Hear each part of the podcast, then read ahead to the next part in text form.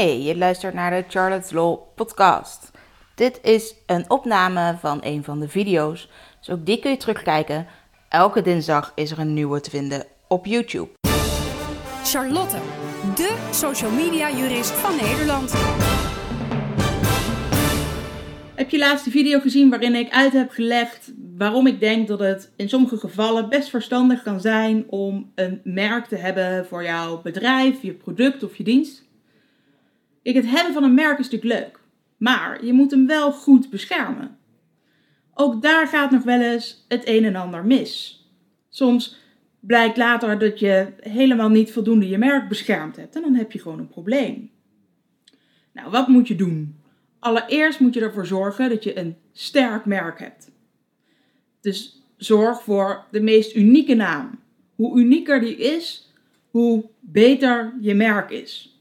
En hoe beter je hem ook kunt beschermen daardoor. Hoe meer beschrijvende naam het is, of een wat generieker woord, hoe lastiger het is om A. überhaupt een merk te krijgen, maar B. ook om hem te beschermen. Dat noemen we dan zwakke merken. Je kunt een, van een merk een sterk merk maken door hem veel bekendheid te geven.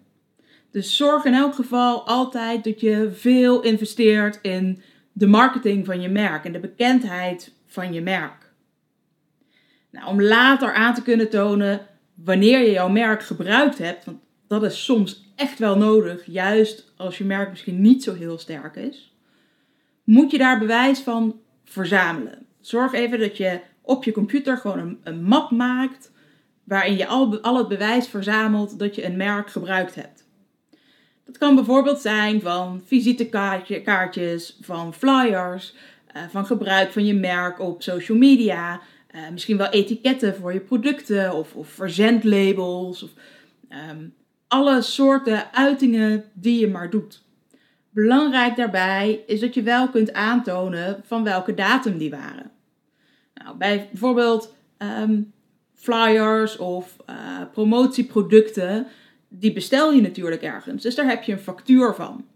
Misschien heb je ook wel een proefdruk gekregen.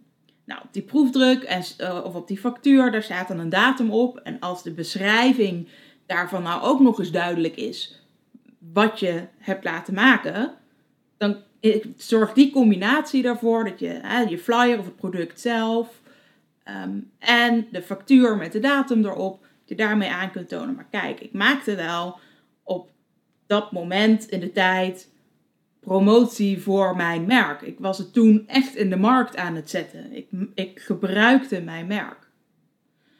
Bewaar dus ook eigenlijk van alle promotiemiddelen die je laat maken, hè, zoals dus de flyers en de visitekaartjes, maar eventueel ook um, goodies, dus van al je pennen en dat soort zaken. Bewaar daar minimaal één exemplaar van. Maak een doos, doe het daarin, dan heb je later tenminste altijd nog bewijs van dat je dit daadwerkelijk gebruikt hebt. Alleen nog die verbinding met die datum zorgen dat je die ook vastlegt. Allerbelangrijkste dus bij het beschermen van je merk is dat je je merk zo bekend mogelijk maakt. Maak er een sterk merk van. Zorg dus dat je vaak genoeg uh, je, de naam van je merk of het logo, als het als een logo je merk is, dat je dat laat zien aan mensen. En bewaar daar bewijs van. Al social media uitingen, flyers, visitekaartjes, facturen, allemaal dat soort zaken. En ook de facturen van wat je dus hebt ingekocht, bijvoorbeeld. Heb je nou hulp nodig bij het beschermen van je merk? Of moet je er zelfs nog eentje inschrijven? Wil je misschien even brainstormen over wat nou een sterk merk kan zijn? Neem vooral even contact met ons op.